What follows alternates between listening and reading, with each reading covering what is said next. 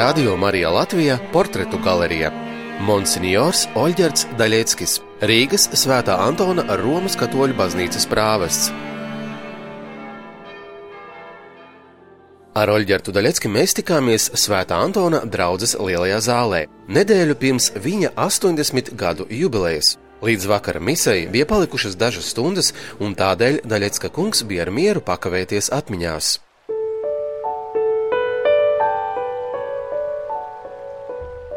1936. gada 2. februārī Dritsmuižas sāģā Daļecku ģimenē piedzima puika, kuru vecāki nokristīja par Oļģertu. Viņš bija piektais dēls ģimenē. Vēlāk šajā ģimenē piedzima vēl viens puika un meitene. Kā atzīst pats monsignors Oļģerts Daļeckis, tik liela ģimene tajā laikā Kombuļu pagastā bija liels retums. Viņa vecāki redzēja laimi lielā un stabilā ģimenē. Viņa bija ļoti ticīga. Nu, cik Dievs tos bērnus sūtīja, tik viņa tur arī bija. Jā. Bet sāža pie mums, tā ir drīzmaz sāža. Es neteiktu, ka tur bija tik lielas ģimenes. Tur bija pa divi, trīs bērni, pa četri bērni. Kas viņi pēc tautības bija jūsu vecāki? Pēc tautības viņi bija poli. Abi divi. Īstenībā, jā, kaut gan mājas poliski nerunāja. Tur runāja vietējā žargonā. Nebija tā īsta poļu valoda, nebija tā īsta krievu valoda, un nebija tā īsta baltkrievu valoda, jo tur pierobeža tāds maisījums. Vietējā tāda runāja valoda. Un īstenībā ne tētis, ne mamma latviski nerunāja. Viņa neprata. Bet Baltkrievijā viņi, tad, viņi aprecējās, Baltkrievijā satikās? Latvijā aprecējās. Bet pirms, pirms eh, mamma jau bija Latvijā, dzīvoja, dzīvoja agrāk druscītā. Indricas drauga, bet tētis bija ienācis no Baltkrievijas un viņš te bija nopircis zemi. Tur laikam nevarēja to zemīti arī dabūt. Tā. Baltkrievijā. Jā, jā, jā, jā, jā. un viņi tad jau bija šeit ienākuši, un viņu tur diezgan liela ģimene bija arī.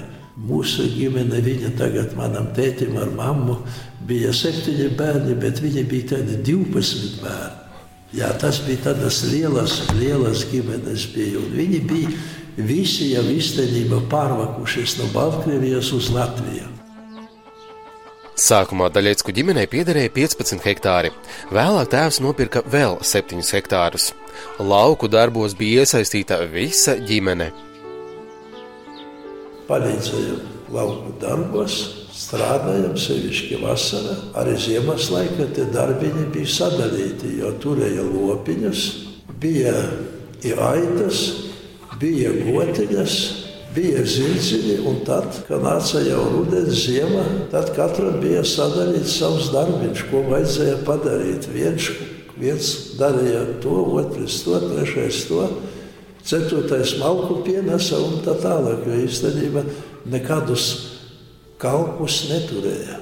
Bija visas nepieciešamas, iespējamas toreiz lauksaimniecības mašīnas, pļaujama mašīna, grābekļu mašīna, kuļam mašīna, kas visas nepieciešamas toreiz iespējamas. Nebija viņas ar zirdziņiem, jo parasti turēja kad uz četrus, piecus zirgus ar četriem strādāja, a piektais bija tas izbraucamais. Bet sakiet, kāda bija tā jūsu ticības dzīve, tā kristīgā dzīve ikdienā? Katru svētdienu gāja uz baznīcu. Katru svētdienu gāja uz baznīcu, bet darba dienas tad jau noskaitīja lūkšanas mājas. No rīta visa ģimene kopā vai sevišķi vakaros. Jā. Bet, ja svētdien uz baznīcu neaizgāja, dažreiz vai ļoti lietus līja, vai tādi apstākļi nelabi bija, tad tā ir stunda, kad baznīca bija 12. parasti misa, visa ģimene kopā skaitīja lūkšanas, noskaitīja rožu kroņa daļu, noskaitīja litānijas vai nodziedāja kādas dziesmas, sevišķi oktobra mēnesi, maija mēnesi, vakaros skaitīja vai pat mājas apstākļus dziedāja litānijas, pulcējas pie sāžu krusta, Tur jau samacā arī, arī, arī kas saka, no sāģas pazīstami visi tie kaimiņi, kas tur tuvāk dzīvoja. Tā kā ticība bija ļoti augsta, augstu vērtētajā. Un es jau no bērnības, kad sāku iet blakus skola, bija baznīcai kombuļos. Saules kalna septiņgadīga skola skaitījās. Jā. Tad sākumā no rīta misa bija aizgājām uz baznīcu, piekalpojām svētajai mise un tad uz skolu. Vēl pirms kombuļu septiņgadīgās skolas zinības tika apgūtas Miklānu pamatskolā, un tieši pamatskolas laiks Daļecka kungam saistās ar Otrā pasaules kara notikumiem. Vēl atgriezties kara laiku, tad īstenībā es tur biju tikai iesacis pirmajā klasītē, bet arī to nepabeidzu, jo iesākas karš. Un tieši tur, kur mēs dzīvojam, par mūsu, mūsu saka, zemīti un mūsu mājām, nāca kaujas līnija. Ka jau pavisam tuvojas, tur no mājām to šo izvaca, to šo meža noklabāja, to šo apraka, bet vācieši pamanīja, ka mums bija tētis turēja bekonu daudz, sviestu ražoja uz pārdošanu paši un arī, arī bekonu gaļu, bekonus nodeva. Un kad nāca karš, tur kad uz septiņus, astoņus fiksi, fiksi nokava, sažavēja un salika lielas musas un drusci ieraka zeme. Vācieši to aptvera un tieši mūsu mājas ierīkoja tādu, kas saka, lustas sev vietu. Bet mēs paši kādu kilometru attālumā uz mežu, un tur sataisīja bunkeri, un tajā bunkerī sēdējām. Uz meža bunkuru Daļetsku ģimene pārcēlās, redzot, ka tuvojas padomju karaspēks un pieļaujot, ka tieši viņu sētā drīz varētu sākties niknes kaujas. Uz meža bija paņemti līdzi produkti un vairāki mājlopi, taču divas labi nobarotas sivēnmātes tomēr bija jāatstāj kūtī.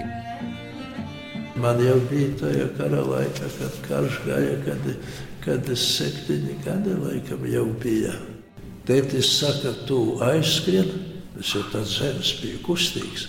Klēti bija graudi, saka, iebar graudus sīlē un pielai ūdeni. Un es sāku no meža izgāju skriet. Un mājās jau redzu no kalniem, cik tur jau palika 400 metru, 500. Viss kārtībā. Bet Krievu karaspēks no otras puses redz, ka kaut kas viņam iet, varbūt izlūks viņu no, kā viņi saka, no ložmetē, tikai lodes svilpumu atgar galvu. Bet tētis bija izmacījis, es apgulos, pārstāja. Piecēlos vēl, vēl tas pats saka, viņa no ložmetē, tik lodes svilpa, es vēl apgulos. Pamēģināju trešo reizi, nedēļa neiet, un, kā saka, šaut neparstai vairs. Es rāpus pa grāvi uz mežu rāpus. Tētis bija iemācījis, ko darīt. Un kad es jau kamēr tiku līdz bunkeram, jau krievu zaldati bija man pa priekšu. Un visi jau bija jau no bunkera ārā izgājuši mūsēji visi ģimenes locekļi. Un domāja, ka es esmu jau kritis kaut kur, un es arī dzīves un sveiks atnācu klāt. Bet jau Krievu karaspēks bija pirms manis. Un vācieši ejot projām, tas ir pēdējie mirkļi, lai viņi varētu atkāpties, aizdedzināja visas mājas. Un sadega deviņas celtnes palika viens vienīgais šķūnis. Tur bija betona pamats, tas diezgan augsts. Arī bija pielikts uh, kādi papīri vai kas tur dedzināts, bet viņš neizdegas. Tikai vēl apdedzis, apdedzis tas bija. Un tad mums bija, bija tādas, jāsaka, pēc kara grūtības. Palika tikai tas, ka lauki bija iesēti. Nebija kur dzīvot. Bet mājas neizlaupīja, piemēram, viena otru var neprasīja, nepieprasīja. Saprot, vācieši tās cūkas ņēma, ja, bet, piemēram, krievi viņi neprasīja visu ēdienu vai lai dod armijai. Redziet, ar vāciešiem bija grūtības. Viņi vēl te bija, kamēr bija vācieši, un tāpēc paša kara viņi bija ļoti, ļoti uzbazīgi. Viņi gāja bez tulkiem un tik bļāva matka špek. Un man māsa nebija maziņa, ja nedosi, viņš uz temē, ka viņš nošaus to bērnu. Ja. Es to atceros, ja? bet kad atnāca Krievu armija, sākumā viņi bija ļoti maigi. Viņiem bija pateikts, lai viņi neko paši neiztika. Mums, kad visu to dedzināja, lielas cūkas izravas nesadega, bet vēl bija neapkauti bekoņi. Tie gan pa pagalmu sadega. Un tad krievu zaldatiņi jau nāca lūgt, vai drīkst paņemt sadegušus, atdegušus tos. Bet viņi lūdza, nevis nāca un teica, lūdza, lūdza ar lūkšanu devam, lai ņemtu tik tīra un, un svaiga gaļa. Sabojāt, es nespēju, tas viss notika diennakts laikā. Jā. Un viņi lūdza un, un atļāva, un viņi tulīt izturēja un aiznesa un ēda. Viņi taču bija izbadojušies. Bet nāca pēc armijas vēl ar bēgļiem. Tad reizēt iesakas posts zakšana. Līdz karam pie mums laukos neko neslēdza. Kūtis vaļā, klētis vaļā, istabas vaļā. Saimnieks aizgāja strādāt uz, eh, uz lauka. Tur skats, kad tas drēbes, tur vai tas, kā agrāk teica, puralātes, tur, kad tas drēbītas saliktas, tur, kad plauktiņš pabasta naudiņa, neviens neko neņem kaimiņš atnāk, viņam beidzas maizīte, uz plaukta ir izcepta maizīte. Pierakstīja zīmīti, kaimiņu palienāju puskukuļa maizes. Izcepšu atnesīšu. Svešā mājā ienāca? Jā, a mēs to paši darījām. Neviens neko neslēdza un neviens neko nezaga. Ienāca tie saucamie bēgļi, ka tagad mēs sakam, biežens. Tas saka zakšana. Tad ne tikai jāatstāj vaļā istaba, ko nozaga, lopiņus zaga, aitas zaga, jērus zaga, sivenu zaga, visu ko zaga. Vajadzēja slēgt visu zem atslēgas. Sargat vajadzēja. Un tā tas turpinājās diezgan, diezgan jau tā, un tā iegaja, un, un, un, un, un tad jau tā pierada pie tā. Bet tad zelta laikmets bija, kad dzīvoja pēc baušļiem, tas saka pazust no, no tāda sabiedriskas dzīves. Radio Marija Latvija portretu galerija Monsignors Oļģerts Daļeckis, Rīgas Svētā Antona Romas katoļu baznīcas prāvests. Vācieši atkāpjoties nodedzināja gandrīz visas Daļecku ģimenei piederošās ēkas, tikai siena šķūnis cieta daļēji. Tajā siltākā laikā arī mitinājās visa lielā saime, bet, kad sākās augstais laiks, Daļiecku ģimeni pie sevis paņēma Oļģerta tēva māsa. Tad bija divas stāvus, tādas gultas sataisītas, un, tā, un tur bija, kas saka, arī i atputa, i lūkšana, i skolas uzdevumu sagatavošana, bet nebija jau elektrības.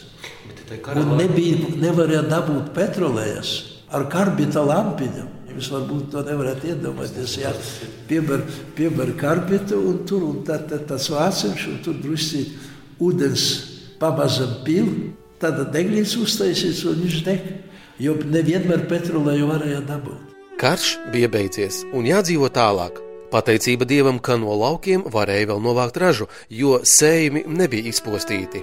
Labība bija lauka, cik ar to armiju izbradēja, bet visu nopļāva, visu izkula. Aitas bija, jērus apkava, gaļa bija, goteņas palika dzīves, pienu slauca, tā kā bija piens, bija rudenī kāda gaļa, un putra vienmēr bija kartupeļa. Pamats bija kartupeļa. Un vēl mēs taču līdz kādām 40 9. Gadam, līdz tiem izvešanai, kolhoza nebija, mēs paši visu savu pļāvam, kūlam un maizīti paši cepam. Uz pilsētu pēc maizes nebrauca. Drusku ziemas laika, varbūt liela ģimene bija dažreiz. Tas gaļas mazāk bija tā. Nevarēja tik tā plaši, tāpēc ka jau nevarēja vēl sevišķi, kad, kad kolhozi iesākas. Bet līdz kolhozim tur kaut arī karš pagāja, bet bija kartupeļi, bija kapusti, bija vietas, bija piens, viss bija, tā nav. Kolhoza izveidošana iesākās ar 1949. gada deportācijām, kad daudzus, kurus uzskatīja par nepakļāvīgiem un lepniem saimniekiem, izsūtīja uz Sibīriju. Arī Daļecku ģimene bija to sarakstā, kam bija jāpamet dzimtās mājas. Kad to izvešana notika, es labi atceros, un no sāģas un no sāģas aizveda vairākus. Mēs arī tā skaitā bijām ieskaitīti, bet mūs neaizveda. Nevienu neaizveda no jūsu. Ne, neizveda, neizveda, redziet, vecākais brālis, ne pats vecākais, bet drusci tagad arī jau nomiris. Viņš draudzējas ar viena, ar viena kaimiņa tur meitu. Un tas kaimiņš, viņš īstenībā koordinēja to izvešanu. Viņš bija jau toreiz pieslēdzies pie īstiem Krievijā. Un tā kā, tā kā brālis draudzēs ar viņa meitu, viņš tur kaut kāda veida pasaudzēja. No tā saraksta mums tur paglabāja, tā mūs neizveda.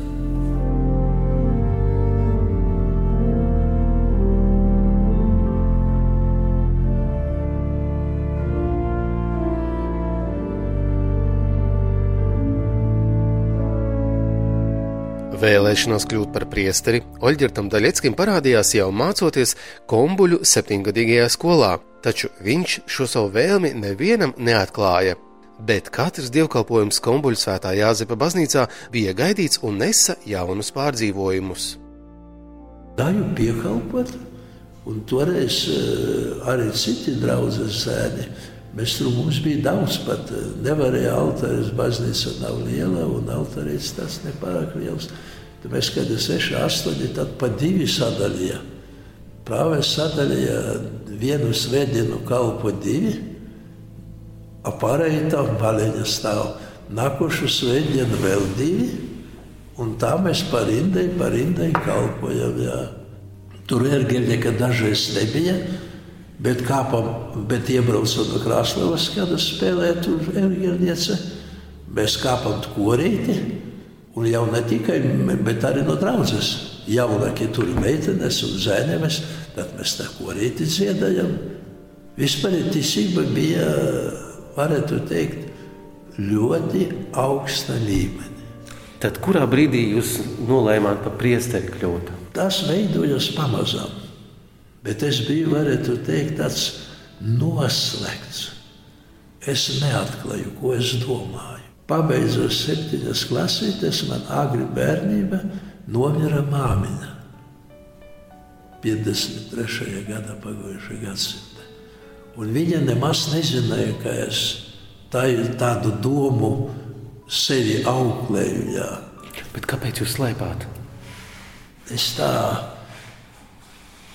varētu teikt, baidījos solīt to, ko varbūt dzīve nevarēs piepildīt. Tā kā pateiksi, visi cerēs, un gadījumā kaut kas mainīsies, vai pašam savas domas mainīsies, un tad nevarēs to, to piepildīt, es neteicu. Un, kad kalpojam pie mises, toreiz prāves bija Vaslavs Erelis. Viņš bija tāds brīnišķīgs, balss bija skaisti dziedāja. Arī tāda vienkārša tautas valoda, baznīca bija latviešu, tik daudz mēs jau sapratām, jo skolā latviešu bija tur gājām. Arī uzruņas tādas, tādas vienkāršas, bet, bet tādas, tādas tautai patīkamas un daudzreiz aizkustinošas. Un es domāju, viņš dažreiz arī teica, varbūt kāds uzseminājies, bet arī, arī, arī viņam es neatklāju. Kaut gan pēc tam viņš man uzrakstīja raksturojumu. Bet to paaicinājumu veicināja īstenībā arī netieši skolotāji. Skolotāji bija visi latvieši tur. Un es atceros, ka 7. klasē visi zināja, ka es eju piekalpot pie prāvesta. Un skolotāji droši vien manas domas lasīja, bet man jau, protams, ne jau te jau es arī neteicu. Bet es atceros tādu gadījumu, skolā mums tur maza klasīte bija. 13 gabali, 11 komjaunieši, viena jaunāka pioniere un es nekas. Un atbrauc no Krasnovas tagad, kā piespiest, lai es iestātos komjaunatnē. Skolotāji bija gudrāki par mani. Atnāca A klases audzinātāja, ne mācības daļu vadītāja atnāca. Pasauca mani maliņā un saka, tevi tūlīt mocīs. Gribas, ka tu iestatus komjaunatnē. Ar tu pasaki vienu teikumu. Mani neņem. Es stājos, bet mani neņem. Ot, lai viņš tad atrisinā. Un tā bija.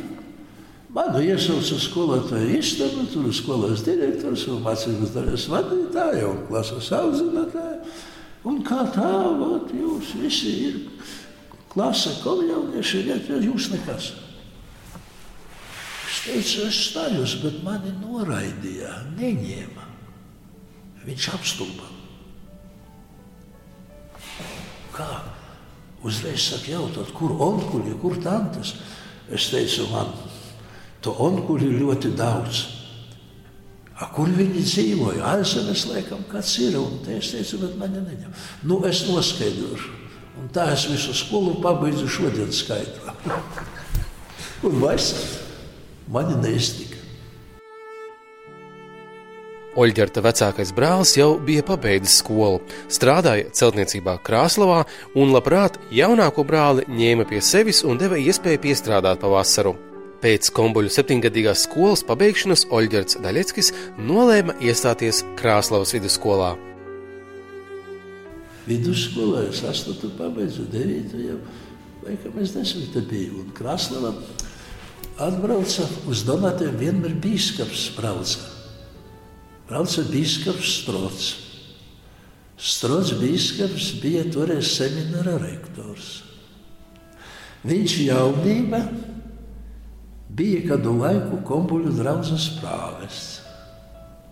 Pēc tam viņš studēja filozofijas doktora grādu, dabūja vīna, kur viņš vēl tur jāsaka tā, bet viņš bija rektors. Un es tur, kur pie ministranti būt, viņš man saka, tu stājies seminārā. Es teicu, nav vēl stājies seminārā. Ar to Krāslava ļoti grūti bija sekoja jau kuru uz kuru pusi. Es tad vidusskolu neturpināju, izrakstījos no laukiem, pārbraucu uz Rīgu, iestājos vienkāršā darbā un no Rīgas iestājos seminārā. Un tas bija 55. gadā. Taču seminārā ilgi nebija iespēja pamācīties. Uz to brīdi Oļģerts Daļeckis bija sasniedzis jau 19 gadu vecumu, un tādēļ divus mēnešus pēc iestāšanās Rīgas garīgajā seminārā viņš tika iesaukts padomju armijā un aizsūtīts uz Ļuvovas apgabalu Ukrainā. Tur eh, formēja to lielu bataljonu. Lielāko tiesu bija Ukraina, un pēc trījiem mēnešiem ar visiem virsniekiem ar visu to, kas saka, lielu bataljonu mums aizsūtīja uz Urāliem. Aizsūtīja uz Urāliem pie toreiz Molotova bija pie netālu no Molotovas tāda neliela siemata vai pilsētiņa Zakamska. Ļova bija silts. Tur aizbraucam 25 grādi augsts.